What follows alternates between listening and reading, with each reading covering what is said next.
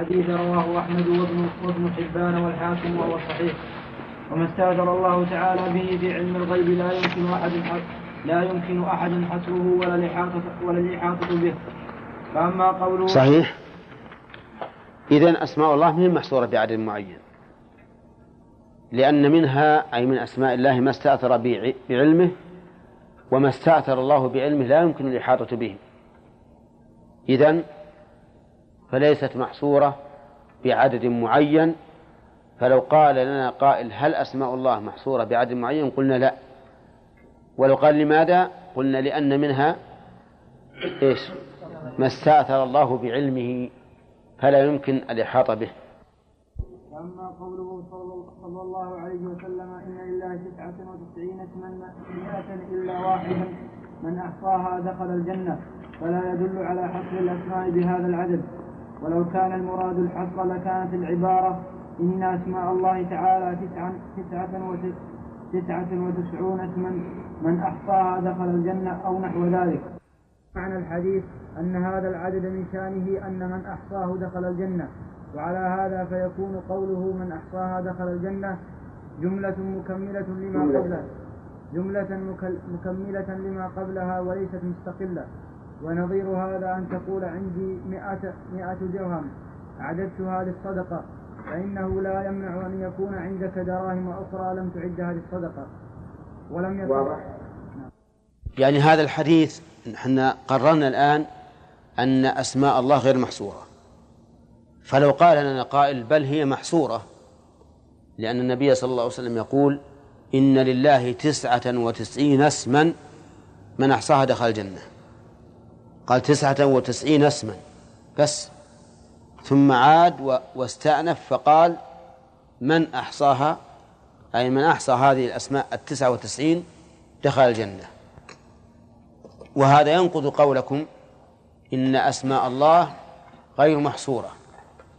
نقول هذا لا ينقض قولنا لأننا لسنا الذين قلناه بل قاله أعلم الناس بربه محمد صلى الله, صلى الله عليه وسلم حيث قال أو استأثرت به في علم الغيب عندك. وحينئذ لا لا يمكن أن يتناقض كلام النبي صلى الله عليه وسلم. إذا ما الجواب عن هذا الحديث؟ تسعة وتسعين اسما. نقول الجواب أن لله هذا العدد من الأسماء من أحصاه دخل الجنة. ولا ينافي أن يكون له أسماء أخرى لم تدخل في هذا الحكم. ونظير ذلك أن تقول عندي مئة درهم أعددتها للصدقة.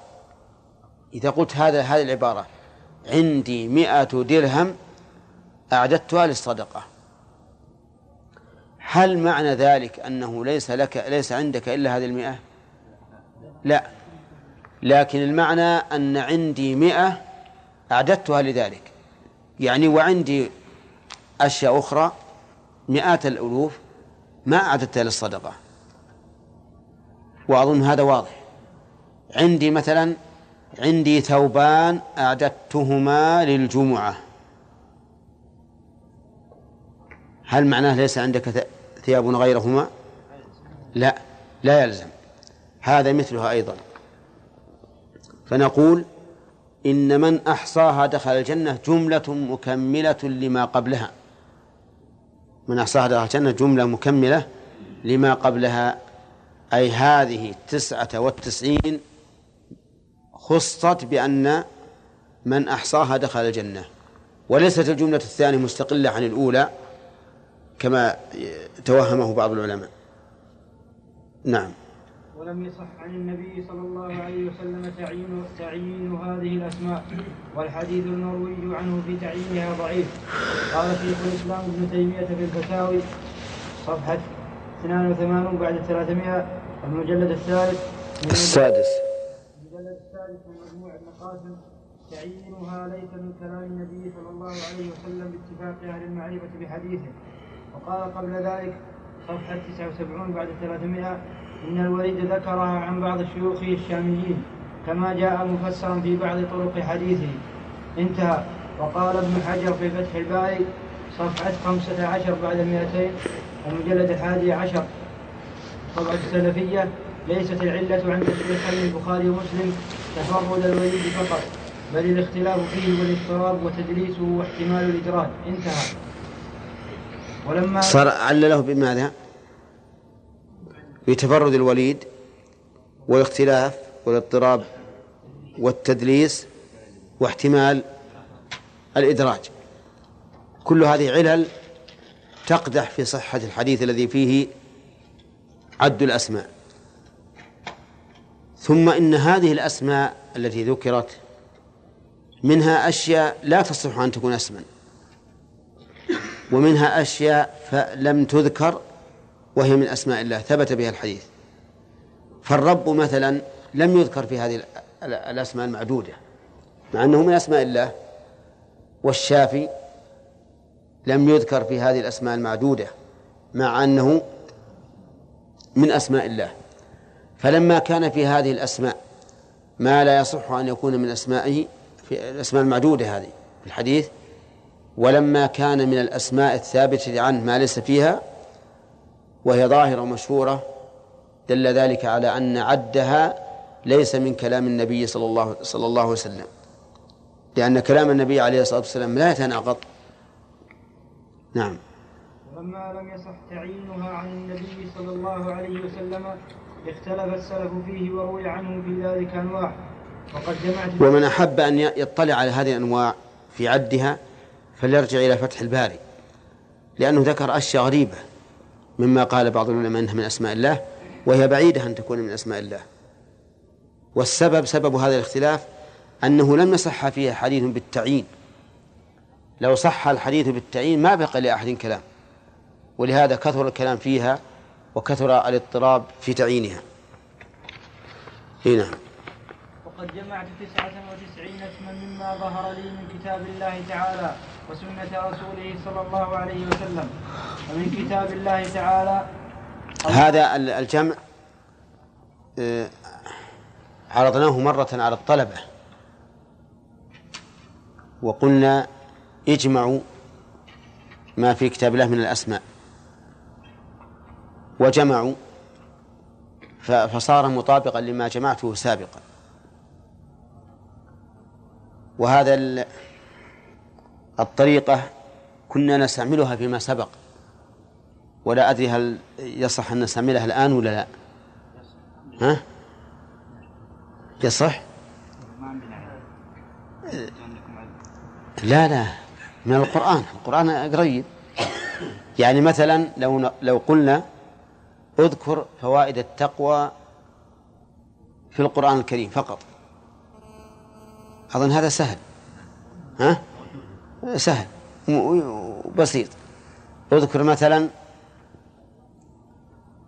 أوصاف القرآن في القرآن الكريم. بماذا وصفه الله؟ بأنه قرآن وفرقان وذكر إلى آخره. هذه هذه في الحقيقة تنفع الطلبة وتربطهم بكلام الله عز وجل. لو قلنا مثلا اذكر كم موضعا ذكرت فيه الصلاة والزكاة؟ مجموعتين ومفرقتين. يمكن؟ ها يمكن. طيب لو أردنا أن نعرض مسائل مسائل مهمة الخلاف فيها مشهور والنزاع فيها معلوم وقلنا يلا حققوا لنا هذه المسألة. يمكن؟ ها من القرآن ومن غير القرآن. ها؟ يمكن لكن عاد هذه فيها شيء من الصعوبة على على بعضكم. المهم إذا كان هذا يمكن فأنا أرى أنه مفيد للطالب. مفيد للطالب عشان يتفتح ذهنه ويبدأ يعرف كيف يراجع. إي نعم. ها؟ ما في وقت؟ كل اوقاتنا كتاب ما يستطيع الإنسان أن شيء أكثر من خمسة اشرطه في اليوم. اي يحتمل ساعتين أو ثلاث ساعات اي إذا كان أكثر الكلام نخليه مثلا يوم, يوم الجمعة. ها؟ في العطلة؟ في الأيام الدراسية. طيب. زين. نعم يلا. من كتاب الله تعالى الله الأحد الأعلى الأكرم الإله الأول. لاحظوا أننا راعينا في الترتيب الحروف الهجائية. ما هي الأبجدية؟ الحروف الهجائية. ها؟ أولى.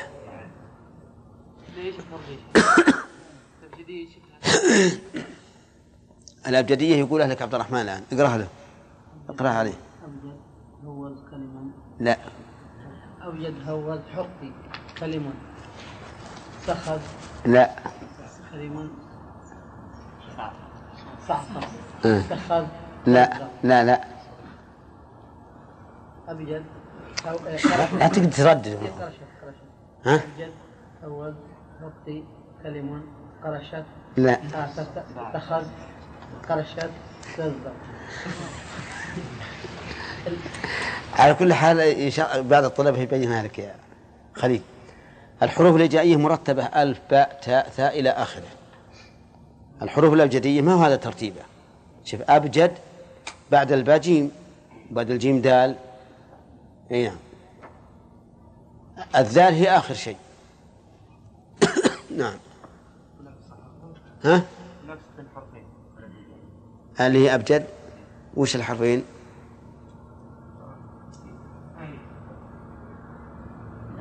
كل حروفها كل حروفها جاية ثمانية. يمكن الألف؟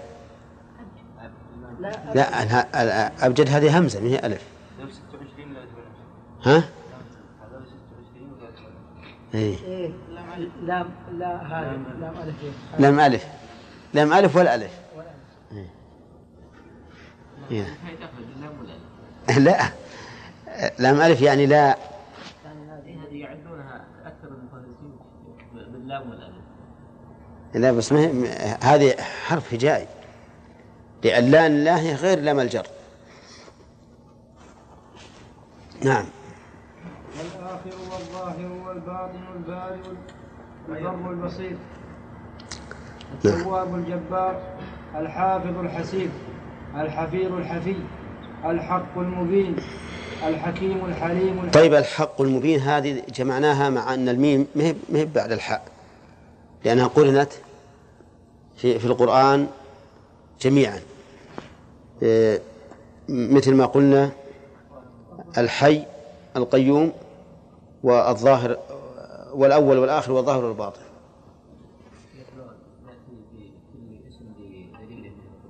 إيه طيب أحسن. صح. زين، خلينا نكملها الآن. الحميد الحي. القيوم الخبير الخالق الخلاق الرؤوف الرحمن الرحيم الرزاق الرقيب السلام السميع الشاكر الشكور الشهيد الصمد العالم العزيز العظيم العفو العليم العلي الغفار الغفور الغني الفتاح القادر القاهر القدوس القدير القريب القوي. القهار الكبير الكريم اللطيف المؤمن المتعال المتكبر المتين المجيب المجيد المحيط المصور المقتدر جل المقيت وعلا الملك المليك المولى المهيمن النصير الواحد الوارث الواسع الودود الوكيل الولي. الوهاب. طيب تمام. آه، أما الله فأدلته من القرآن كثيرة. ها؟ بسم الله الرحمن الرحيم فيها ثلاثة. طيب آه، الأحد قل هو الله أحد. الأعلى طيب. الأكرم اقرأ وربك الأكرم. الإله وإلهكم إله واحد. أي نعم. أما الأول والآخر والظهر والباطن ففي سورة الحديد. والباقي إن شاء الله بعد. أما بعد قال قال حفظه الله تعالى ومن سنة رسول الله صلى الله عليه وسلم الجميل الجواد. أصبر إحنا أظن ضربنا أن الأدلة. ضربنا الأدلة وذكرنا بعضها. ها؟ إلى الظاهر والباطن البارئ. والله لا خالق البارئ المصور. طيب البر إنا كنا من قبل ندعوه إنه هو البر الرحيم. البصير وهو السميع البصير. طيب آه الوهاب آه التواب. ثم تاب عليهم ليتوبوا إن الله هو التواب الرحيم. الجبار العزيز الجبار طيب. الحافظ ها فالله خير حافظا. طيب. الباطن لا الحسيب. وكفى بالله حسيبا. الحفيظ إن ربي على كل شيء حفيظ. طيب. الحفي إنه كان بي حفيا. وهذا في الحقيقة فيه شيء من التردد لأنه قد يقال إنه من الأفعال وليس من الأسماء. لأنه قيد قال إنه كان بي حفيا طيب القيوم إيش؟ إيه نعم. الحق. الحق. ويعلمون أن الله هو الحق المبين. ذلك بأن الله هو الحق. والمبين قلناها. الحكيم كثير هذه اللتها. الحليم غفور حليم. طيب. آه الحميد إلى صراط العزيز الحميد. نعم. الحي القيوم في آية الكرسي. الخبير وهو اللطيف الخبير. ألا يعلم من خلق وهو اللطيف الخبير. الخالق في سورة الحشر آخر سورة الحشر. الخلاق إن ربك هو الخلاق العليم. الرؤوف كثيرة. الرحمن الرحيم كثيرة. الرزاق إن الله هو الرزاق ذو القوة المتين. الرقيب ها؟ وكان الله على كل شيء رقيبا. طيب. السلام في آخر الحشر. السميع كثير. الشاكر وكان الله شاكرا عليما. الشكور إنه غفور شكور. الشهيد والله على كل شيء شهيد. طيب الصمد قل هو الله أحد الله الصمد. العالم العالم. هذا مضاف. مضاف.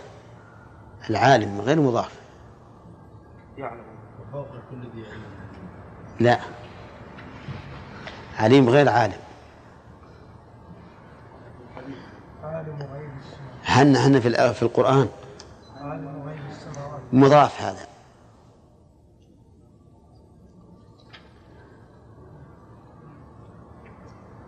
ها. طيب وكنا بكل شيء عالمين. طيب. العزيز كثير. العظيم في آية الكرسي. العفو. ها؟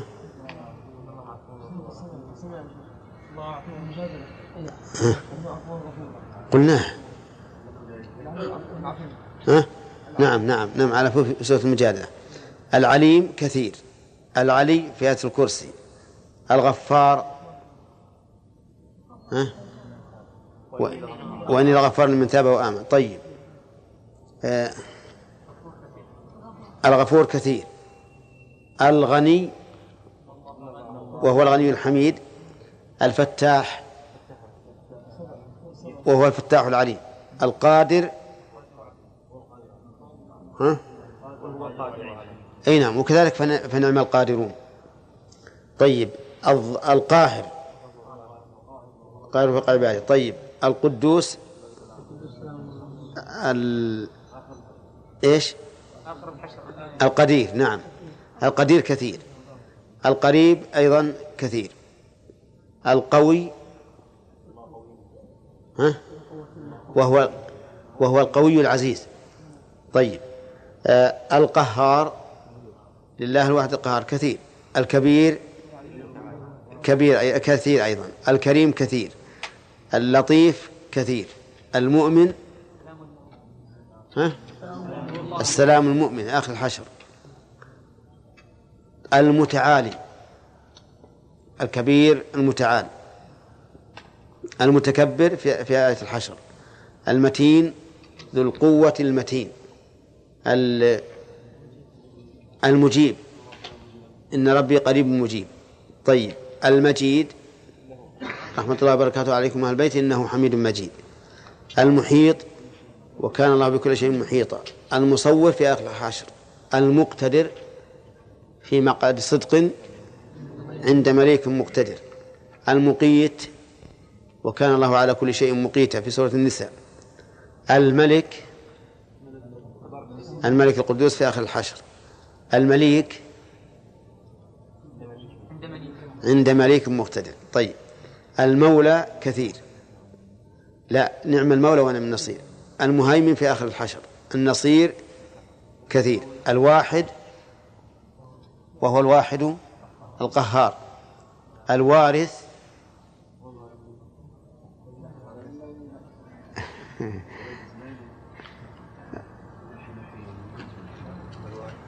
نعم نعم. وإنا لنحن نحيي ونميت ونحن الوارثون. الواسع. والله واسع عليم. طيب الودود وهو الغفور الودود. نعم. الوكيل وكفى بالله وكيلا. المولى الولي صح. نعم. الولي وهو الولي الحميد. نعم. لا ولي الذين مضاف هذا. طيب الوهاب إنك أنت الوهاب. طيب كم هذه؟ واحد وثمانين. إي نعم. ومن ومن السنة؟ يلا. ومن سنة رسول الله صلى الله عليه وسلم الجميل الجواد الحكم الحي الرب الرفيق السبوح السيد الشافي الطيب القابض الباسط المقدم. ها؟ المقدم. المؤخر. مؤخر. المؤخر. المحسن. المعطي. المنان. الوتر. طيب تخريجها عندكم في الأسفل في الأسفل الجميل إن الله جميل يحب الجمال. الجواد رواه أحمد والترمذي وحسنه وأنا الجواد. نعم. طيب فيها حديث في هذا المعنى. الحكم حديث أبي شريح إن الله هو الحكم وإليه الحكم. الحيي إن الله حي كريم. لكن ترى نعم لكن الحي غير الحي. الحي من الحياء والحي من من الحياة. الرب قال النبي عليه الصلاة والسلام أما الركوع فعظموا فيه الرب.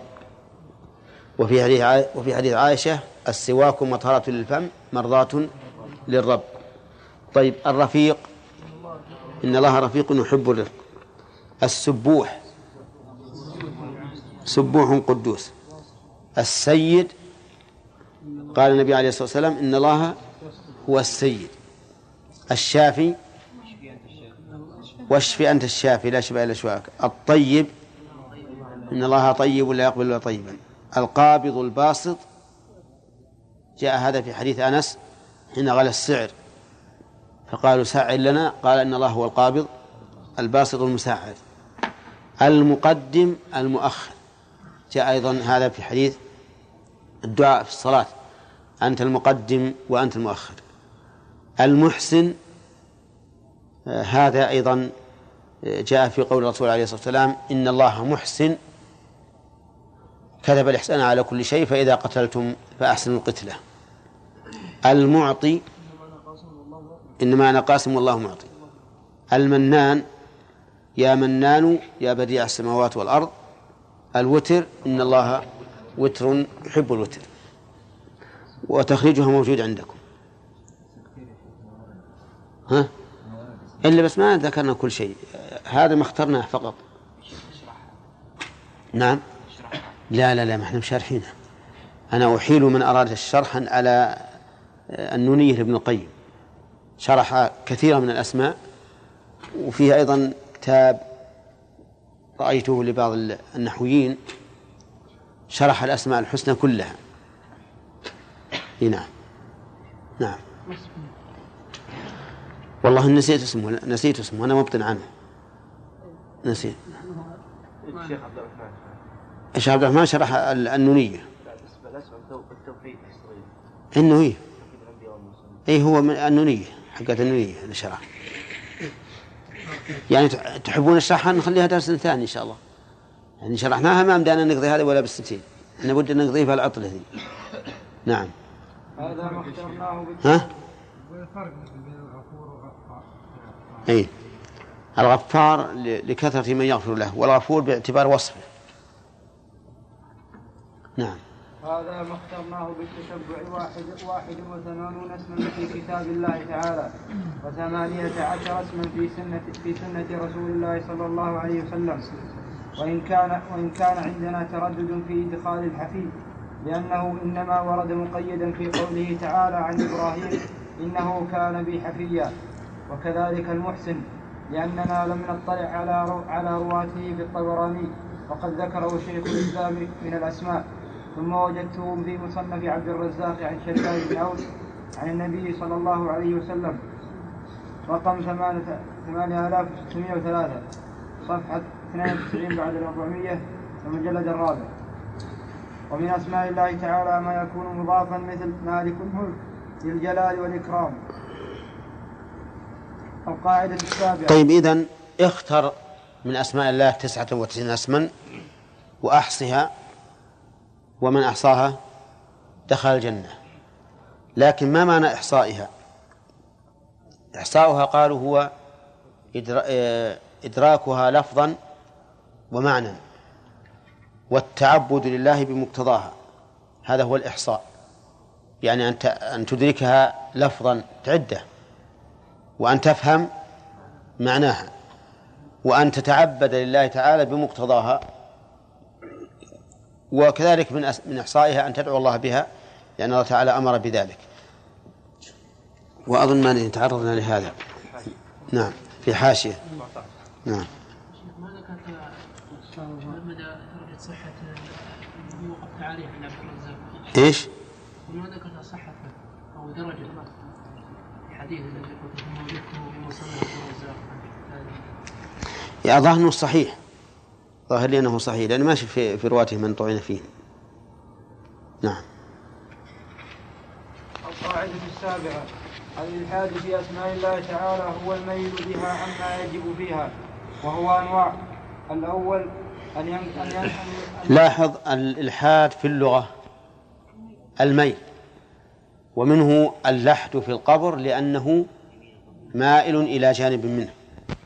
أما في أسماء الله الذي نهى الله عنه فقال وذروا الذين يلحدون في أسمائه حذر منه في قوله وذروا الذين يلحدون في أسمائه فهو الميل بها عما يجب فيها.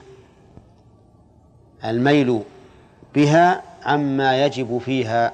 هذا هذا الضابط للإلحاد في أسماء الله. أن تميل بها عما يجب. فمثلا لو سميت الله بغير ما سمى به نفسه لكنت ملحدا في الأسماء. ليش؟ لأن الواجب الاقتصار على ما ورد به النص لأنها توقيفية. ولو أثبتت الأسماء دون ما فيها ما تضمنها من الصفات لكنت ملحدا فيها. لأن الواجب إثباتها مع ما تضمنته من الصفات. أي نعم. سيأتي هذه الأقسام. الأول أن ينكر شيئا منها أو مما دلت عليه من الصفات والأحكام كما فعل أهل التعطيل من الجهمية وغيرهم. وإنما كان ذلك إلحادا لوجوب الإيمان بها وبما دلت عليه من الأحكام والصفات اللائقة بالله فإنكار شيء من ذلك ميل بها عما يجب فيها.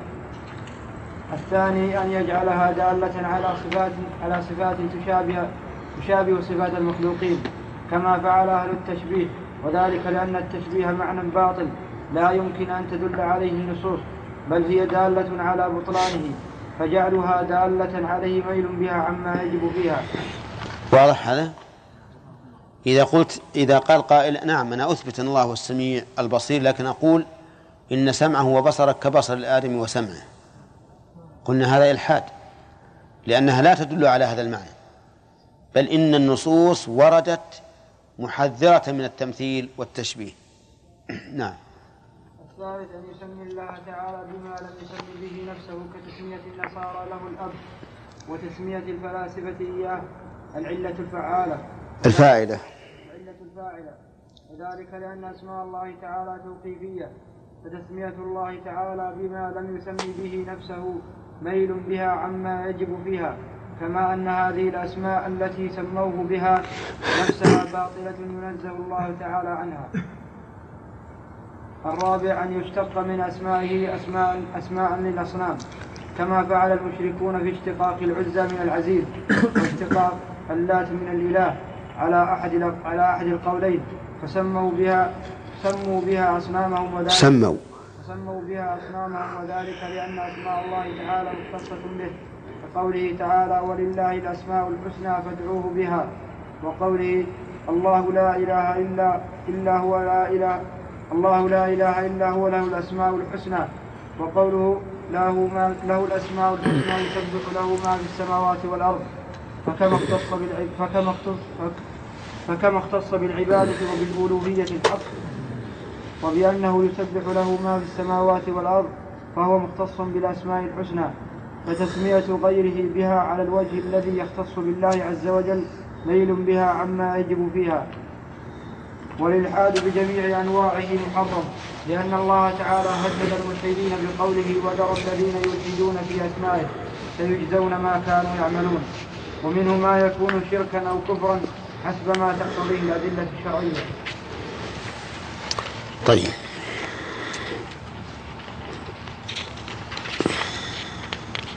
انتهت القواعد التي أردنا إثباتها في أسماء الله. بقي قواعد في الصفات.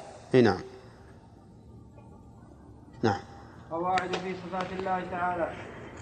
القاعدة الأولى صفات الله صفات الله تعالى كلها صفات صفات كمال. لا نقص فيها بوجه من الوجوه. كالحياة والعلم والقدرة والسمع والبصر والرحمة والعزة والحكمة والعلو والعظمة وغير ذلك. وقد دل على هذا السمع والعقل والفطرة. أما السمع فمنه قوله تعالى للذين لا للذين لا يؤمنون بالآخرة مثل السوء ولله المثل الأعلى في السماوات والأرض وهو العزيز الحكيم. والمثل الأعلى هو الوصف الأعلى.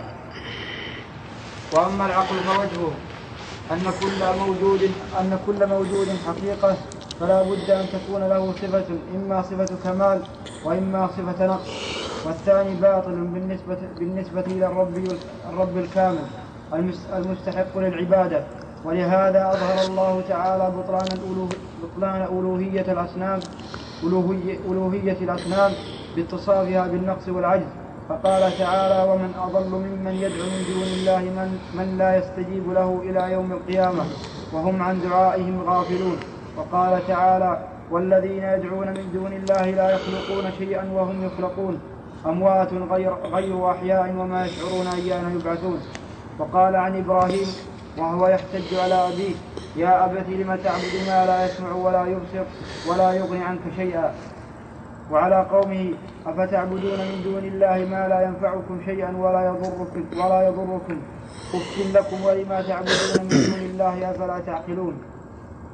ثم إنه قد ثبت بالحس والمشاهدة. أن للمخلوق صفات صفات كمال. صفات. صفات كمال. وهي من وهي من الله تعالى فمعطي الكمال أولى به. طيب إذا دليل السمع على أن الله تعالى موصوف بصفات الكمال قوله للذين لا يؤمنون بالآخرة مثل السوء. يعني مثل النقص والعيب. ولله المثل الأعلى. ما ولم يقل ولله مثل الكمال. قال المثل الأعلى يعني الذي لا شيء فوقه. والمثل بمعنى الوصف الأعلى.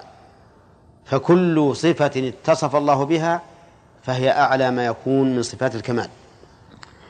أما من جهة العقل فإذا قال قائل ما هو دليلكم على أن الله متصف بصفات الكمال؟ قلنا كل موجود حقيقة. فلا بد له من صفة. أو لا؟ كل موجود حقيقة فلا بد له من صفة. فإما أن تكون صفة كمال وإما أن تكون صفة نقص. صفة النقص مستحيلة في حق الله عز وجل. نعم. وصفة الكمال واجبة لله. فوجب أن يكون موصوفا بصفات الكمال لأنه منزه عن صفات النقص. فإن قال قائل هذا الحصر غير صواب لأن الموجود قد يكون موصوفا بصفات الكمال أو صفات النقص أو أو بصفة لا نقص فيها ولا كمال. فنقول هذا الأخير غير صحيح. لأن الصفة اللي ما فيها صفة كمال ولا ولا نقص هي في الحقيقة نقص. لأنها لغو وعبث. فالكمال أن يكون الإنسان متصفا بالصفات النافعة المفيدة وما لا نفع فيه ولا ضرر فهو داخل في صفات النقص. ولهذا قال النبي عليه الصلاة والسلام حاثا على تكميل الإيمان من كان يؤمن بالله واليوم الآخر فليقل خيرا أو ليصمت. الدليل الثاني من العقل أن نقول نحن نشاهد في في المخلوق صفات كمال. ولا لا؟ ها؟ نشاهد في المخلوق صفات كمال. من الذي أعطاه هذا الكمال؟ الله عز وجل. فمعطي الكمال ها؟ أولى بالكمال. ومن كماله أنه أعطى الكمال. من كماله أنه أعطى الكمال. فهذا أيضا دليل عقلي على ثبوت صفات الكمال لله عز وجل. ولهذا استدل الله عز وجل على بطلان ألوهية الأصنام بأنها ناقصة. بأنها ناقصة. فقال سبحانه وتعالى ومن أضل ممن يدعو من دون الله من لا يستجيب له إلى يوم القيامة وهم عن دعائهم غافلون. لنقصهم. وقال تعالى والذين يدعون من دون الله لا يخلقون شيئا وهم يخلقون. أموات غير أحياء وما يشعرون أيان يبعثون. وقال إبراهيم يحاج أباه يا أبت لم تعبد ما لا يسمع ولا يبصر ولا يغني عنك شيئا. وقال محاجا لقومه أفتعبدون من دون الله ما لا, ما لا ينفعكم شيئا ولا يضركم. فتبين بهذا أن الرب لا بد أن يكون كامل الصفات وإلا لم يصح أن يكون ربا. طيب هذا دليل عقلي. الدليل الفطري وأما الفطرة فلأن النفوس فلأن النفوس السليمة مجبولة مفطورة على مجبولة. مجبولة مفطورة على محبة الله وتعظيمه وعبادته. وهل وهل تحب وتعظم وتعبد إلا من علمت أنه متصف بصفات الكمال اللائقة بربوبيته وألوهيته وإذا كانت الصفات وهذا واضح.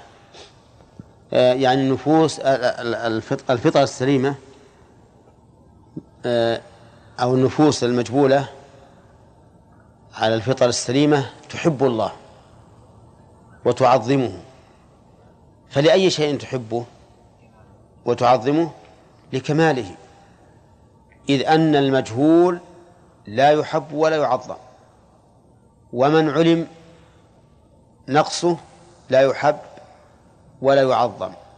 فالفطرة هذه التي هي محبة الله وتعظيمه هذه مبنية على أصل وهي علم الإنسان فطريا بصفات بكمال صفات من يعبده سبحانه وتعالى. نعم. وإذا كانت الصفة نقصا لا كمال فيها فهي ممتنعة في حق الله تعالى كالموت والجهل والنسيان والعجز والعمى والصمم ونحوها.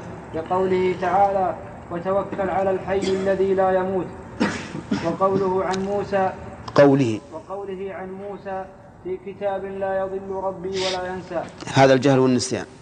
وقوله وما كان الله ليعجزه من, من شيء في السماوات ولا في الأرض هذا نفي إيش؟ العجز. نعم. وقوله أم يحسبون أنا لا نسمع سرهم ونجواهم بلى ورسلنا لديهم يكتبون. إذن هذا نفي الصمم. نعم. وقال النبي صلى الله عليه وسلم في الدجال إنه أعور وإن ربكم ليس بأعور. هذا نفي العمى إيه نعم. وقال أيها الناس أربعوا على أنفسكم. اربعوا. اربعوا على أنفسكم.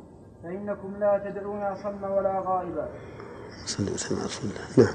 وقد عاقب الله تعالى الواصفين له بالنقص كما في قوله تعالى وقالت اليهود يد الله مغلولة غلت أيديهم ولعن ولعنوا بما قالوا بل يداه مبسوطتان ينفق كيف يشاء. وقول وقوله لقد سمع الله قول الذين قالوا إن الله فقير ونحن أغنياء. سنكتب ما قالوا وقتلهم الأنبياء بغير حق ونقول ذوقوا عذاب الحريق. ونزه نفسه عما يصفونه به من النقائص فقال سبحانه سبحان ربك رب العزة عما يصفون وسلام على المرسلين والحمد لله رب العالمين. وقال تعالى ما اتخذ الله من ولد وما كان معه من إله. إذا لذهب كل إله بما خلق ولعلى بعضهم على بعض. سبحان الله عما يصفون. وإذا كانت الصفة ك...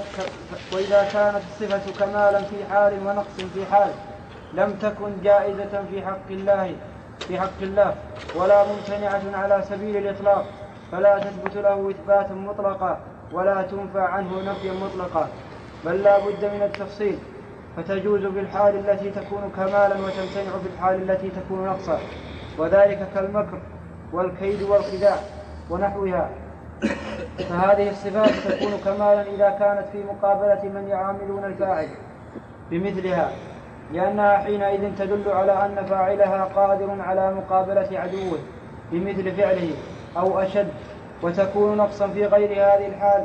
ولهذا لم يذكرها لم يذكرها الله تعالى من صفاته على سبيل الإطلاق وإنما ذكرها في مقابلة من يعاملونه ورسله بمثلها كقوله تعالى ويمكرون ويمكر الله والله خير الماكرين وقوله إنما يكيدون إنهم وقوله إنهم يكيدون كيدا وأكيد كيدا وقوله والذين كذبوا والذين كذبوا بآياتنا سنستدرجهم من حيث لا يعلمون وأملي لهم إن كيدي متين. وقوله إن المنافقين يخادعون الله وهو خادعهم. وقوله قالوا إنما نحن مستهزئون. الله يستهزئ بهم. ولهذا لما ولهذا لم يذكر الله أنه خان من خانوه. فقال تعالى وإن, وإن يريدوا خيانتك فقد خانوا الله من قبل فأمكن, فأمكن منهم. والله عليم حكيم. فقال فأمكن منهم ولم يقل فخانهم لأن الخيانة خدعة في مقام الائتمان وهي صفة ذم مطلقة. نعم وإن فقد خانوا الله من قبل ولم يقل فخانهم. لكن قال يخادعون الله وهو خادعهم. طيب. وبذا عرف أن قول بعض العوام خان الله من يقول منكر فاحش يجب النهي عنه. صح. هذه موجودة عندنا ما أدري يعني موجودة عندكم ولا لا. يقولون خان الله من يخون. أو يقول الله يخونا إن كان إني خنتك. وهذا لا يجوز لأن الخيانة خدعة في مقام الائتمان وهي صفة ذنب فلا تجوز على الله. طيب سبق لنا في القاعدة الأولى أن صفات الله تعالى كلها صفات كمال وأن الصفات من حيث هي صفات منها صفات كمال على الإطلاق ومنها صفات نقص على الإطلاق ومنها ما يكون نقصا في حال وكمالا في حال أخرى. فالذي هو كمال على الإطلاق ثابت لله والذي هو نقص على الإطلاق ها؟ ممتنع على الله. والذي هو كمال في حال دون حال يوصف الله به في حال كمال في حال الكمال دون حال النقص. نعم هذه القاعدة العامة. طيب وما هو الكمال؟ هل كل كمال في المخلوق كمال في الله؟ وهل كل كمال في الله كمال في المخلوق؟ لا. فمثلا التكبر صفة كمال في الله. وفي المخلوق ها صفة نقص. الأكل والشرب والنكاح صفة كمال في الإنسان وصفة نقص بالنسبة لله. إذا نسبت إليه فهي صفة نقص ولهذا ينزه الله عنها. لكن الكمال المطلق دون النسبي هذا ثابت لله على الإطلاق. والنقص النسبي المطلق هذا ينزه الله عنه. أفهمتم؟ طيب. آه، ذكرنا أن العامة عندهم لفظ يجب النهي عنه. هو يقول خان الله من يخون. وهذا حرام ما يجوز.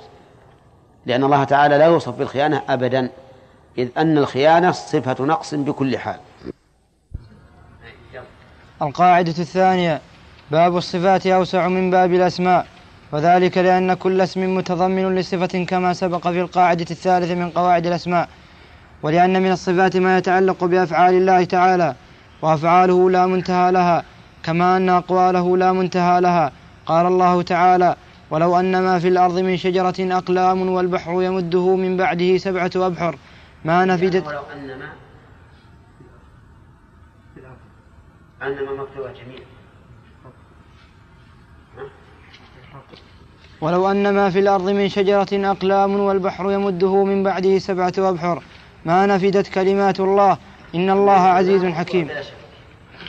لأن من شجرة بيان- بيانية فيقتضي أن تكون ما اسما موصولا. هنا ومن أمثلة ذلك أن من صفات الله تعالى المجيء والإتيان والأخذ والإمساك والبطش إلى غير ذلك من الصفات التي لا تحصى. كما قال تعالى وجاء ربك وقال هل ينظرون إلا أن يأتيهم الله في ظلل من الغمام وقال فأخذهم الله بذنوبهم وقال ويمسك السماء أن تقع على الأرض إلا بإذنه وقال إن بطش ربك لشديد وقال يريد الله بكم اليسر ولا يريد بكم العسر وقال النبي صلى الله عليه وسلم ينزل ربنا إلى السماء الدنيا فنصف الله فنصف الله تعالى بهذه الصفات على الوجه الوارد ولا نسميه بها فلا نقول إن من أسمائه الجائي والآتي والآخذ والممسك والباطش والمريد والنازل ونحو ذلك وإن كنا نخبر بذلك عنه ونصفه به. هذه قاعدة مهمة. إذا باب الإخبار أوسع من باب الأسماء أو من باب التسمية. فنحن نسمي الله تعالى بأنه آه، نصف الله بأنه يأخذ ويبطش ويريد ويتكلم ويجي ويأتي ويمشي وما أشبه ذلك ولكننا لا نسميه بهذا. ما نسميه. لكننا كلما سميناه باسم فإن ذلك يتضمن وصفه بما دل عليه الاسم من الصفة. كما سبق أن الإيمان بالاسم يحتاج إلى الإيمان بالاسم اسما لله وبما تضمنه من صفة وبما تضمنه من أثر وحكم إن كان متعديا. نعم. القاعدة الثالثة صفات الله تعالى تنقسم تنقسم إلى قسمين ثبوتية وسلبية. فالثبوتية ما أثبته الله تعالى لنفسه في كتابه. قال بعض الناس إن الأولى أن نعبر ثبوتية ومنفية. ومنفية. نعم. لأن التي وصف الله بنفسه إما مثبتة وإما منفية. ولكن الصواب أن أنه لا فرق لأن السلب والنفي معناهما واحد. فإذا قلت فلان لم يقم فالمعنى مسلوب عنه القيام أي منفي عنه ولا إشكال فيها. نعم. على لسان رسوله صلى الله عليه وسلم. فالثبوتية ما أثبته الله تعالى لنفسه في كتابه أو على لسان رسوله صلى الله عليه وسلم وكلها صفات كمال لا نقص فيها بوجه من الوجوه كالحياة والعلم والقدرة والاستواء على العرش والنزول إلى السماء الدنيا والوجه واليدين ونحو ذلك. فيجب إثباتها لله تعالى حقيقة على الوجه اللائق به بدليل السمع والعقل. أما السمع فمنه قوله تعالى يا أيها الذين آمنوا آمنوا بالله ورس- ورسوله والكتاب الذي نزل على رسوله والكتاب الذي أنزل من قبل ومن يكفر بالله وملائكته وكتبه ورسله واليوم الآخر فقد ضل ضلالا بعيدا. فالإيمان بالله يتضمن الإيمان بصفاته والإيمان بالكتاب الذي نزل على رسوله يتضمن الإيمان بكل ما جاء فيه من صفات الله. وكون محمد صلى الله عليه وسلم رسوله يتضمن الإيمان بكل ما أخبر به عن مرسله. وهو الله عز وجل. وأما العقل فلأن الله تعالى أخبر بها عن نفسه وهو أعلم بها من غيره وأصدق قيلا وأحسن حديثا من غيره فوجب إثباتها له كما أخبر بها من غير تردد. فإن التردد في الخبر إنما يتأتى حين يكون الخبر صادرا ممن يجوز عليه الجهل أو الك أو الكذب أو العي بحيث لا يفصح أو العي. بحيث لا يفصح بما يريد. وكل هذه العيوب الثلاثة ممتنعة في حق الله عز وجل فوجب قبول خبره على ما أخبر به. آه، المهم السمع الآن فهمنا دلالة السمع على وجوب ما أخبر الله به في كتابه أو أخبر به رسوله صلى الله عليه وسلم. لأن الله تعالى أنزل الكتاب على محمد صلى الله عليه وسلم فالإيمان بالكتاب إيمان بمن أنزله والإيمان بالرسول إيمان بمن أرسله. فلا جرم أن يجب الإيمان بكل ما جاء في الكتاب والسنة من أسماء الله وصفاته. وأما العقل فلأن نقول إن الله أخبر بهذه الصفات عن نفسه. لأننا, لأننا لا نثبت من الصفات إلا ما أخبر الله به عن نفسه. وهو أعلم بنفسه من غيره. ولهذا أي إنسان يحاول إنكار صفة من من صفات الله نقول له هل أخبر الله بها عن نفسه؟ إن قال لا فقد كذب. وإن قال نعم نقول أأنت أعلم أم الله. إن قال أنا أعلم كفر. وإن قال الله أعلم قلنا إذن يجب عليك أن, أن, تؤمن بها لأن الله تعالى أعلم بنفسه. و وأصدق قيلا. صح هذا؟ فما أخبر الله به عن نفسه فهو صدق. لأن كلام الله أصدق الكلام وأحسن حديثا من غيره. يعني وحسن الحديث يكون بالبلاغة والفصاحة. فكلام الله عز وجل أحسن الكلام في وضوحه وبيانه وفصاحته. اجتمع في حق الله تعالى كمال الكمال من كل وجه من حيث العلم والصدق والبيان. أولى طيب ولهذا يقول المؤلف يقول فإن التردد في الخبر إنما يتأتى حين يكون الخبر صادرا ممن يجوز عليه الجهل أو الكذب أو العي الجهل وضده والكذب ضده والعي ضده البيان والفصاحة. لو جاءنا رجل إلى إلى مريض. جاء رجل إلى مريض. والرجل هذا نجار. وقال بشوف هذا المريض. قام يلمس بطنه ويلمس صدره ويلمس جبهته وراسه. يما ضغط على رأسه يما على بطنه يما على رجله. قال والله هذا هذا المريض فيه الداء الفلاني. فيه الداء الفلاني. يعني فيه المرض الفلاني. نصدقه ولا ما نصدقه؟ ها؟ ما نصدقه؟ ليش ما نصدقه؟ لأنه جاهل بهذه بهذه الصناعة. جاهل بهذه الصناعة. لكن لو جاءنا قال هذا الخشب ما يصلح نجعله بيبان. أبواب ما لا يصلح نجعله أبوابا. ها؟ قبلنا قوله. كذا إذا كان صدوقا بعد قد يكون كذوبا قد يقول ما يصلح يكون أبوابا عشان يشتريه هو. ما ندري. نعم. على كل حال هذا الرجل الذي جاء يشخص مرض هذا المريض وهو نجار لا نقبله مهما كان في الصدق لأنه جاهل. طيب جاءنا رجل طبيب جيد جيد. فهمتم؟ فجاء إلى هذا المريض وبدأ يلمسه إذا لمس بطنه لم رأسه لما لمس صدره لم رأسه لما لمس رأسه لم رأسه. إذا لمس رجليه لم رأسه. قال لا حول ولا قوة إلا بالله. هذا يحتاج إلى علاج طويل عريض. نعم. يمكن يتكلف عليكم خمسين ألف. الرجل جيد في الصناعة وماهر في الطب لكنه غير موثوق من جهة الخبر.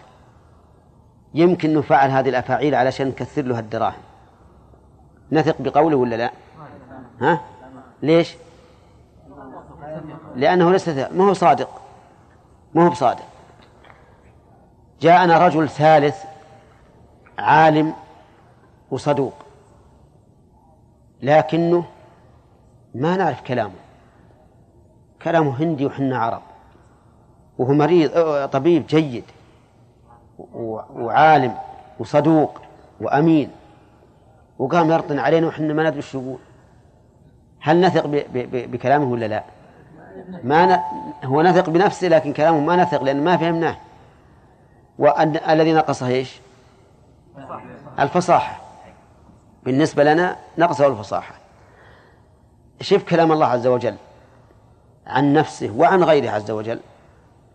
كلام صادر عن علم. لا شك. وعن صدق. لا شك.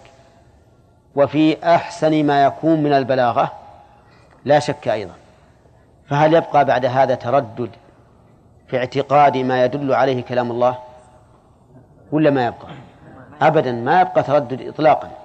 في أن نعتقد ما دل عليه هذا الكتاب العزيز. ولهذا نقول إنما يتأتى حين يكون الخبر صادقا عن ممن يجوز عليه الجهل أو الكذب أو العيب حيث لا يفصح بما يريد وكل هذه العيوب الثلاثة ممتنعة في حق الله عز وجل فوجب قبول خبره على ما أخبر به. هذا دليل عقلي. وهكذا نقول فيما أخبر به. نعم امشي. هكذا نقول فيما أخبر فيما أخبر به النبي صلى الله عليه وسلم عن الله تعالى. فإن النبي صلى الله عليه وسلم أعلم الناس بربه وأصدقهم خبرا وأنصحهم إرادة وأفصحهم بيانا فوجب, فوجب قبول ما أخبر به على ما هو عليه. والصفات السلبية ما نفاها الله ما نفاها الله سبحانه عن نفسه. يعني مثلا إذا قال قائل استوى على العرش. الرحمن على العرش استوى. خبر صادق عن إيش؟ خبر صادر عن الله. وهو عالم بذلك؟ صادق؟ نعم. الكلام هنا معقد مشوش ولا واضح؟ واضح. فإذا قال قائل إن معناه استولى قلنا طيب إذا كان هذا معناه فأتي بدليل. ائتي بدليل. هذه الكلمة وردت في القرآن في سبعة مواضع. ما فيها ولا موضع واحد قال الله فيه استولى. ولو كان الله أراد باستوى استولى لكان كلامه غير فصيح.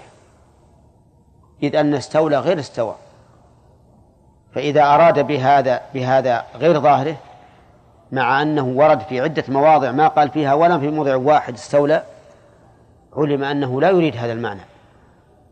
فهمت؟ فتفسيرك استوى بما استولى. هذا يقتضي أن يكون كلام الله ناقصا. ناقصا من حيث البيان والفصاحة. لأن التعبير بهذا عن هذا بدون قرينة وبدون أن يأتي ولو مرة واحدة بهذا المعنى الذي ابتكرته هذا لا شك أنه خلاف الفصاحة وخلاف البيان. نعم. والله عز وجل يقول في كتابه يريد الله ليبين لكم ما قال ليعمي عليكم. نعم. الصفات السلبية ما نفاها الله سبحانه عن نفسه في كتابه أو على لسان رسوله صلى الله عليه وسلم وكلها صفات نقص في حقه كالموت والنوم والجهل والنسيان والعجز والتعب. فيجب نفيها عن الله تعالى لما سبق مع إثبات ضدها على الوجه الأكمل. طيب لاحظوا الصفات السلبية يجب نفيها عن الله لكن لا ليس الواجب مجرد النفي بل يجب اعتقاد ضدها ضدها. فمثل لا تأخذه سنة ولا نوم. لا يكفي في الاعتقاد أن نقول إن الله لا ينام حتى نعتقد أنه لا ينام لكمال حياته وقيوميته. لا مجرد أنه لا ينام لأننا نقول كلمة لا ينام مجرد انتفاء النوم ليس كمالا. الجدار هذا ما عمرنا شفناه نائم. هو له شفته يا ياسر نائم؟ ها؟ طيب هو لا ينام ولا لا؟ لكن يجب أن نؤمن بأن الله لا ينام لكمال حياته وقيوميته. كذلك وما مسنا من لغوب أي من تعب وإعياء. لا يكفي أن نؤمن بأن الله تعالى لم يتعب فقط بل نؤمن بأنه لم يتعب ليش؟ لكمال قوته لكمال قوته. وإلا لقلنا مثلا إن العمود هذا عليه جسر سقف. يحمل السقف هذا كله. وهل يتعب؟ ها؟ ما هو يتعب. أبدا. ولا سمعنا يوم من الأيام صاح علينا يقول يا ناس أتعبتون؟ نعم. فإذا يجب أن تعتقدوا يا إخواني أن ما نفاه الله عن نفسه فلا يكفي أن أن نعتقد انتفاء هذا المنفي. بل لا بد أن نضيف إلى ذلك إثبات كمال الضد. نعم. طيب ذلك لأن ما نفاه الله تعالى عن نفسه فالمراد فيه بيان انتفائه بثبوت كمال ضده لا لمجرد نفيه لأن النفي ليس بكمال يقول شيخ الإسلام رحمه الله لأن النفي عدم والعدم ليس بشيء المعدوم ليس بشيء فضلا عن أن يكون كمالا فهمتم ولا لا؟ وحنا قلنا هنا لأن النفي ليس بكمال السبب نقول كما قال شيخ الإسلام السبب أن النفي ليس بكمال لأن النفي عدم والعدم ليس بشيء. شيء معدوم مو بشيء. فإذا كان العدم ليس بشيء فكيف يكون مدحا؟ وهو ليس بشيء. إذن فهذا النفي متضمن لإثبات وإلا لم يكن مدحا. إيه نعم. النفي ليس ليس بكمال إلا أن يتضمن ما يدل على الكمال. وذلك لأن النفي عدم وذلك لأن النفي عدم والعدم ليس بشيء فضلا عن أن يكون كمالا ولأن النفي قد يكون لعدم قابلية المحل له فلا يكون كمالا كما لو قلت الجدار لا يظلم, لا يظلم. وقد يكون للعجز عن القيام به فيكون نقصا كما في قول الشاعر قبيلة لا يغدرون بذمة ولا قبيلة لا يغدرون بذمة ولا يظلمون الناس حبة خردل. وقول الآخر لكن قومي وإن كانوا ذوي حسب ليسوا من الشر في شيء وإن هانا. البيت الثاني البيت الثاني يجزون من ظلم أهل الظلم مغفرة ومن إساءة أهل السوء إحسانا. ها؟ طيبين لكن بلاهم العجز. ها؟ يجزون من ظلم أهل الظلم مغفرة إذا إذا أحد ظلمهم قالوا غفر الله غفر الله لنا ولك. إذا أساء إليهم إنسان قال يلا رح يا ولد رح جيب له الشاة عطه إياه. من البيت. ليش؟ يخافون انه إنه يسيء أكثر. فهم يدفعون بذلك الإساءة الأولى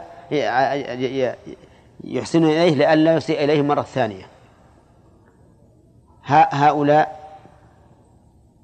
ممدوحون أو أو مذمومون؟ مذمومون. ولهذا تمنى الشاعر قال فليت لي بهم قوما إذا ركبوا شنوا الإغارة. تمنى إن الله يجيب, يجيب له بدالهم من الذين يشنون الإغارة جميعا أو أو أو وحدانا. الخلاصة يا جماعة أن الله تعالى لا يوصف بالنفي المحض. أولا لأن النفي المحض عدم محض والعدم ليس بشيء فضلا أن يكون كمالا. ثانيا لأن النفي لأن نفي الشيء عن الشيء قد يكون لعدم قابليته له لا لكماله الذي أوجب أن ينتفي عنه. مثل قولنا الجدار لا يظلم. ثالثا ولأن النفي قد يكون للعجز للعجز عن هذا المنفي. فيكون النفي حينئذ نقصا. إذا قلت هذا الرجل لا يغدر بالعهد هذا الرجل لا يغدر بالعهد. مدح ولا ذم ها؟ يحتمل. يحتمل لا يغدر بالعهد لكمال وفائه. وحينئذ يكون يحتمل لا يغدر بالعهد لأنه ما يقدر. يخاف لو يغدر بالعهد هذه المرة كروا عليه مرات فمرات حتى أتلفوه. ها؟ هذا لإيش؟ لعجزه. فالحاصل أنه يجب علينا نحو صفات الله التي نفاها الله عن نفسه أن نؤمن بانتفائها لا. لا بمجرد الانتفاء ولكن ها؟ بإثبات كمال ضدها. لاحظوا هذه لأنها مهمة جدا. وإذا كانت هذه الصفات منفية لثبوت كمال ضدها صارت صفة كمال. نعم. مثال ذلك قوله تعالى وتوكل على الحي الذي لا يموت فنفي الموت عنه يتضمن كمال حياته. مثال آخر قوله تعالى ولا يظلم ربك أحدا. نفي الظلم, عنه يتضمن كمال عدله. مثال ثالث قوله تعالى وما كان الله ليعجزه من شيء في السماوات ولا في الأرض فنفي العجز عنه يتضمن كمال علمه وقدرته. ولهذا قال بعده إنه كان عليما قديرا لأن العجز سببه إما الجهل بأسباب بأسباب الإيجاد وإما قصور القدرة عنه وإما قصور القدرة عنه فلكمال علم الله تعالى وقدرته لم يكن ليعجزه شيء في السماوات ولا في الأرض.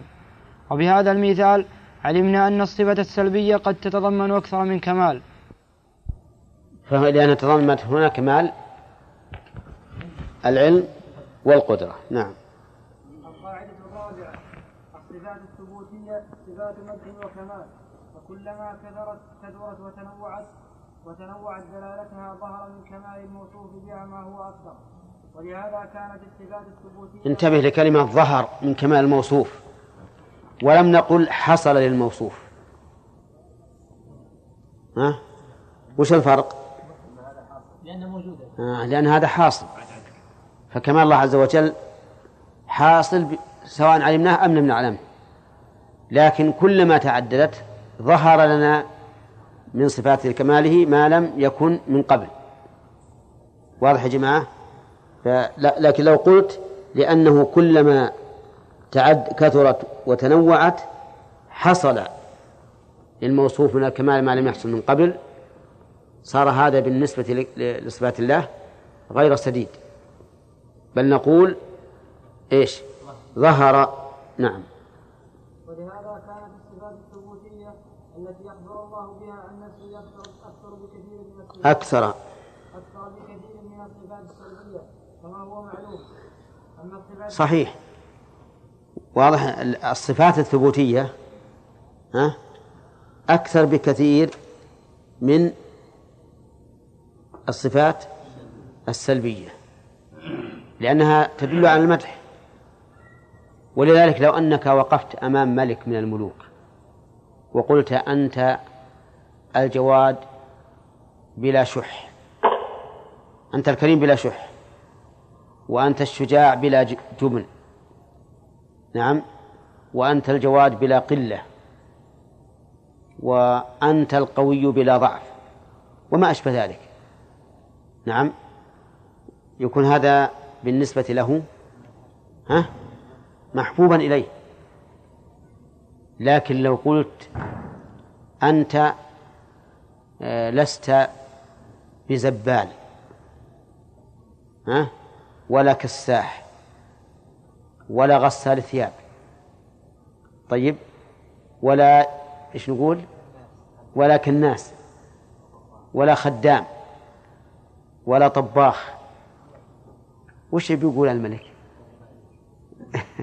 لا مو قتل يا ياسر الله يهديك. لكن بيقول اضربوه ولا لا؟ اضربوه. لأن صفات النفي هذه لا ينبغي أن تقال أبدا. لا ينبغي أن تقال. مع العلم بأن أهل التعطيل يركزون على صفات النفي ولا يث... ولا يقولون شيئا عن صفات الإثبات. لأنهم والعياذ بالله يرون أن صفات الإثبات تقتضي التمثيل وصفات النفي تقتضي العدم و... وليس فيها تمثيل.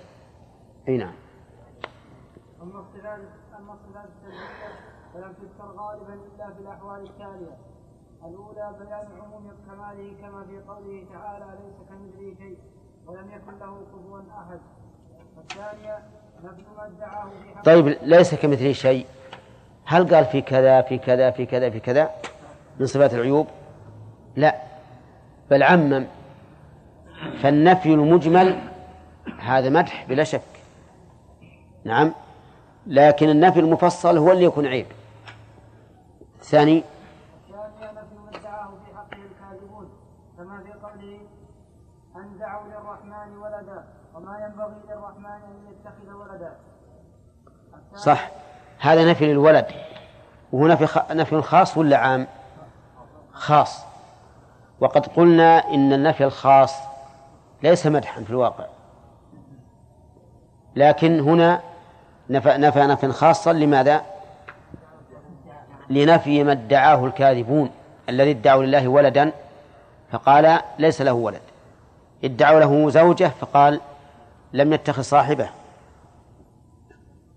والثالث الثالثة دفع توهم نقص من كماله فيما يتعلق بهذا الأمر المعين كما في قوله وما خلقنا السماوات والأرض وما بينهما لاعبين وقوله ولقد خلقنا السماوات والأرض وما بينهما في ستة أيام وما مسنا من لغوب. نعم. فهنا في الأول نفى النقص في الإرادة وفي الثاني نفى النقص في الفعل والتنفيذ. الأول نفى النقص في الإرادة حيث قال وما خلقناهما لاعبين وإنما أردنا بهما حقا. ما أردنا اللعب وال- والسدى. وفي الثاني بين كمال القوة. ففي الأولى كمال الإرادة وفي الثاني كمال القوة. ولقد خلقنا السماوات والأرض وما بينهما في ستة أيام وما مسنا من لغوب. ما معنى اللغوب؟ التعب والإعياء وما المراد بستة أيام؟ ها؟ قيل إن المراد بستة أيام ستة آلاف سنة. لقوله تعالى وإن يوما عند ربك كألف سنة مما تعدون. وإلى هذا جنح علماء الجيولوجيا قالوا لأن تكوين الأرض وتضاريسها ومدري بعد والأفلاك وهذه تحتاج إلى مدة. نعم تنتقل من مرحلة إلى مرحلة حتى بلغت ستة آلاف سنة. وبعضهم بعد طول المسألة. جاب مقاييس خيالية ملايين الملايين.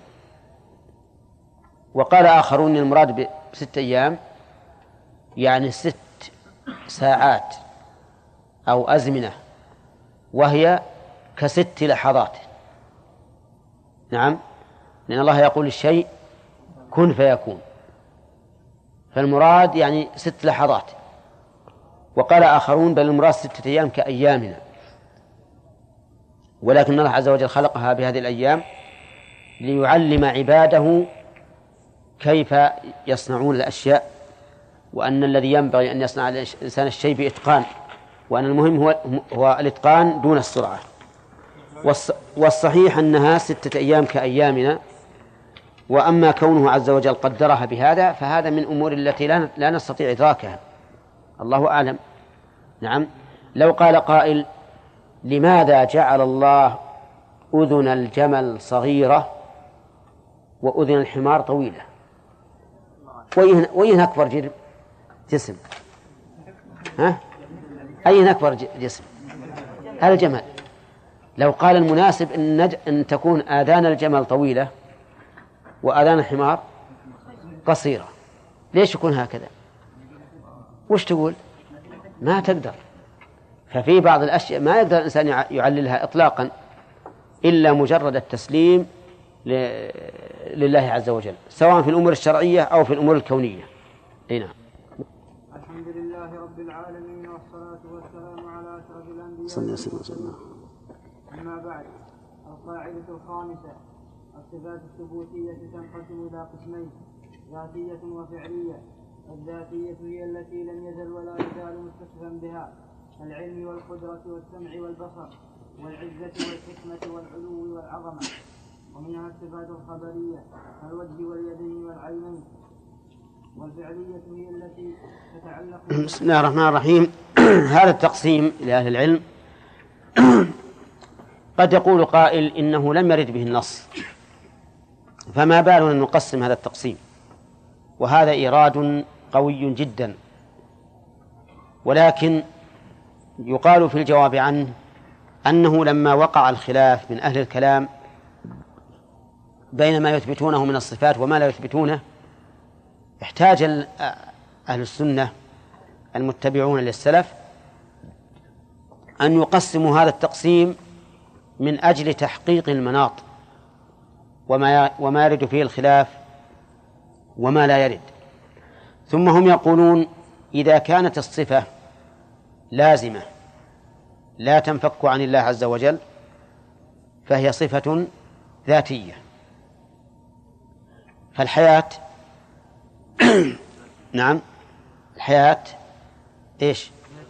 والعلم والقدرة والسمع والبصر والعزة والحكمة وما أشبه ذلك هذه صفات ذاتية وسميت بذلك للزومها للذات. ثم قسموها إلى معنوية وخبرية. فما كان نظير مسماه أبعاضا لنا سموه خبرية. وما كان دالا على معنى سموه معنوية. فالسمع صفة ذاتية معنوية. واليد صفة ذاتية خبرية.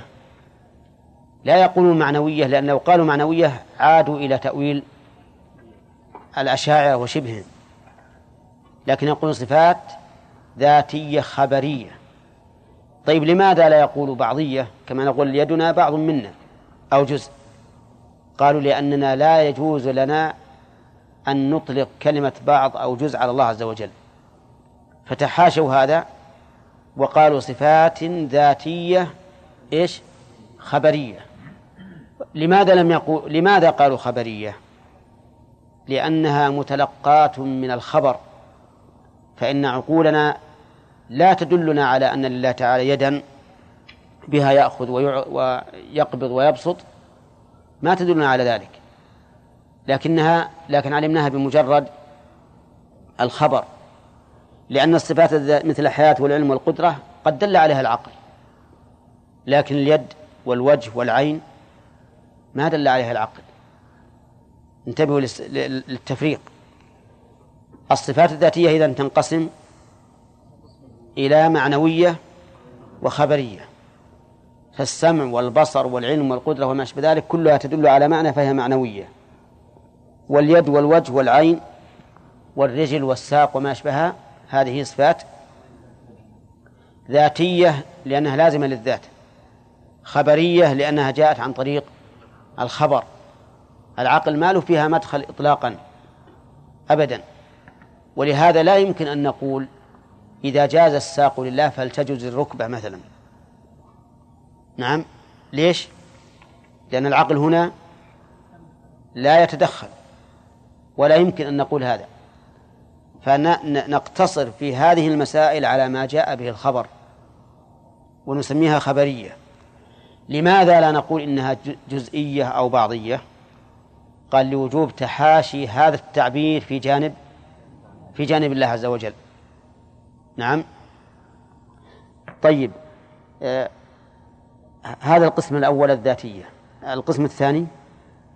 الفعلية هي التي تتعلق بمشيئته إن شاء فعلها وإن شاء لم يفعلها كالاستواء على العرش والنزول إلى السماء الدنيا. قد تكون وقد تكون الصفة ذاتية فعلية باعتبارين الكلام فإنه باعتبار أصله صفة ذاتية لأن الله لأن الله تعالى لم يزل ولا يزال متكلما وباعتبار آحاد الكلام صفة فعلية لأن الكلام يتعلق بمشيئته. يتكلم متى شاء بما شاء. كما في قوله تعالى إنما أمره إذا أراد شيئا أن يقول له كن فيكون. وكل صفة تعلقت بمشيئته تعالى فإنها تابعة لحكمته. وقد تكون الحكمة معلومة لنا وقد نعجز عن إدراكها. لكننا نعلم علم اليقين أنه سبحانه لا يشاء شيئا إلا وهو موافق للحكمة. كما يشير إليه قوله تعالى وما تشاءون إلا أن يشاء الله. إن الله كان عليما حكيما. نعم. الكلام عند أهل السنة والجماعة صفة فعلية باعتبار آحاده وصفة ذاتية باعتبار أصله. فباعتبار أن الله لم يزل ولا يزال متكلما كما أنه لم يزل ولا يزال خالقا فعالا لما يريد بهذا الاعتبار يكون صفة ذاتية. وباعتبار آحاده يكون صفة فعلية. فمثلا إذا أراد الله أن يخلق شيئا ها؟ قال كن فيكون. هنا إرادة سابقة وإرادة مقارنة. يكون القول بعد الإرادة المقارنة أو الإرادة السابقة؟ بعد الإرادة المقارنة للفعل. إذا أراد أن يكون الشيء قال له كن بمجرد ما يقول كن يكون ولهذا جاءت الفاء فيكون. أما الإرادة السابقة بأنه سيفعل فهذه سابقة. ما ما, ما يكون بعدها قول. لكن الإرادة المقارنة هي التي يقع بعدها القول. فالقول إذن بعد الإرادة. القول كن بعد الإرادة. وهذا يدل على حدوث هذه الكلمة ولا لا؟ نعم. يدل على حدوثها. وأنها صارت عند إرادة الفعل. كذلك القرآن الكريم فيه آيات واضحة تدل على أن الله تكلم بها بعد وقوع الفعل بعد وقوع المتحدث عنه. وإذ غدوت من أهلك تبوئ المؤمنين مقاعد للقتال. إذ غدوت. سابق. ها؟ الغدو. سابق على هذا القول ولا لاحق؟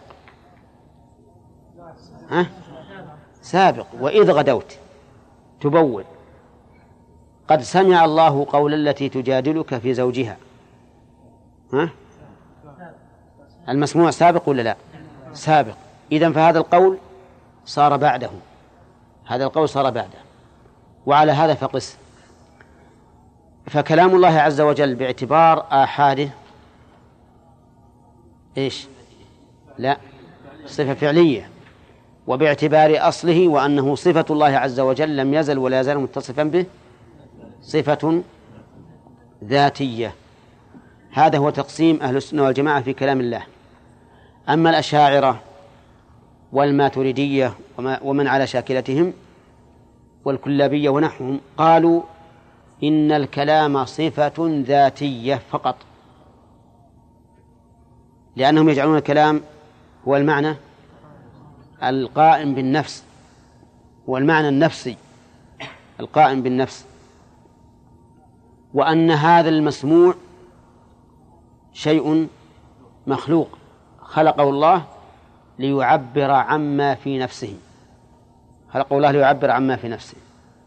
فكان على مذهبهم الكلام صفة ذاتية ولكن ما ذكره السلف هو الحق المطابق للمعنى اللغوي والعقلي وأن كلام الله عز وجل يتكلم سبحانه وتعالى متى شاء بما شاء وكيف شاء.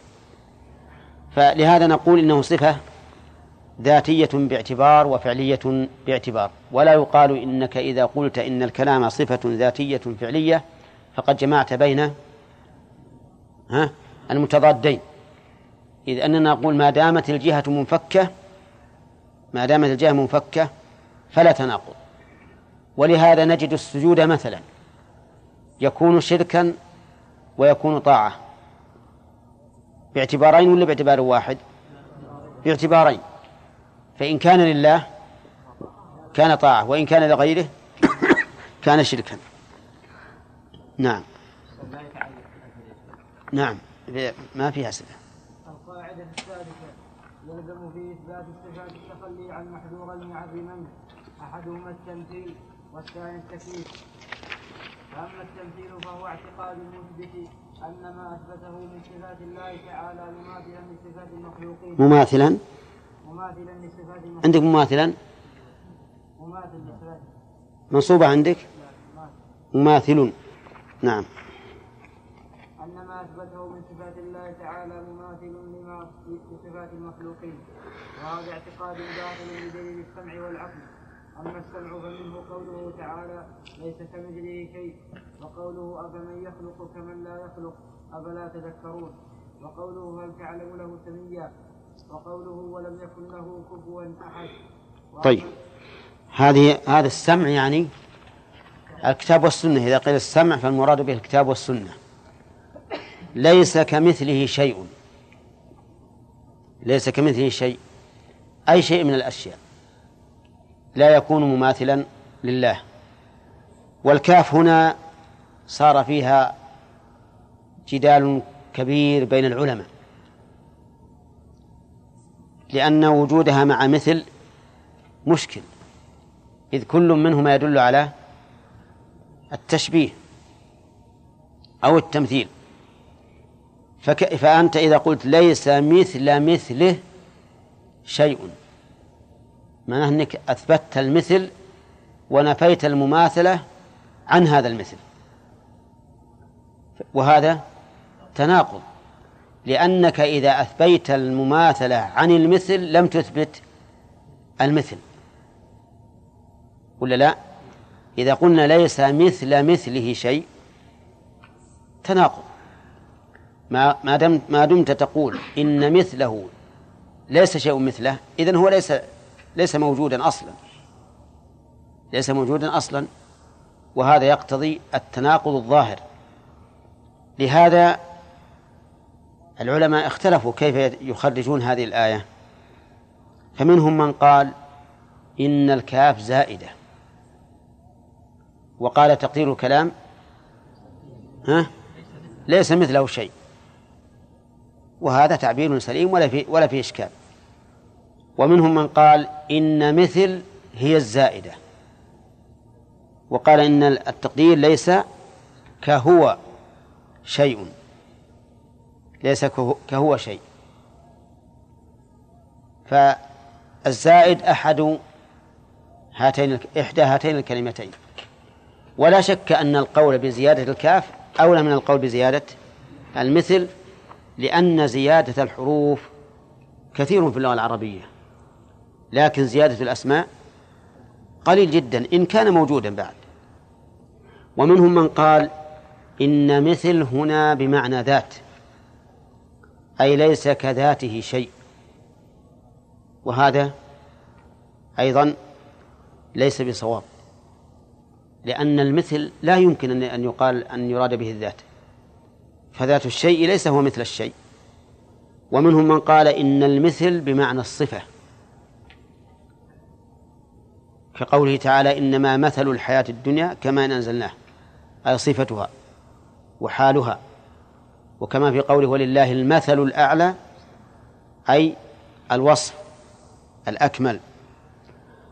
قالوا والمثل والمثل يرجعان إلى معنى واحد كالشبه والشبه. فيكون المراد بالمثل هنا على رأي هؤلاء الصفة. أي ليس كصفته شيء. فمثل بمعنى مثل والمثل بمعنى الصفة. كم هذه من أقوال؟ أربعة. ومنهم من يقول إن المثل هنا على على بابها. معناها كما يتبادر إلى الذهن والكاف هنا زائدة. زائدة للتوكيد يعني على المعنى الأول يعني يراد بها التوكيد. فإن العرب قد تطلق مثل هذه العبارة وتريد ذات الشيء كما يقولون مثلك لا يهزم. المراد أنت لا تهزم. لكن أضافوا ذلك إلى المثل لأنه إذا كان مثلك لا يوزن فأنت ها من باب أولى. فإذا كان مثل الله ليس ليس له مثل فالله تعالى من باب من باب أولى. والذي يظهر لي أن أن هذا من باب التوكيد. كأنه كرر الكلمة مرتين لتكرار نفي المثلية. أما قوله تعالى أفمن يخلق كمن لا يخلق؟ فالأمر فيها واضح. ما الجواب؟ ها؟ لا. طيب. ولهذا قال أفلا تذكرون؟ يوبخهم. هل تعلم له سميا؟ هذا أيضا واضح. ومعنى السمي معناه الكف والنظير والاستفهام للنفي. ولم يكن له كفوا أحد أيضا ظاهر في نفي المكافأة. نعم. وأما العقل فمن وجوه الأول أنه قد علم بالضرورة أن بين الخالق والمخلوق تباينا في الذات. وهذا يستلزم أن يكون بينهما تباين في الصفات لأن صفة كل موصوف تليق به كما هو ظاهر في صفات المخلوقات المتباينة في الذوات فقوة البعير مثلا غير قوة الذرة فإذا ظهر التباين بين المخلوقات مع اشتراكها في الإمكان والحدوث فظهور التباين التباين بينها وبين الخالق أدنى وأقوى.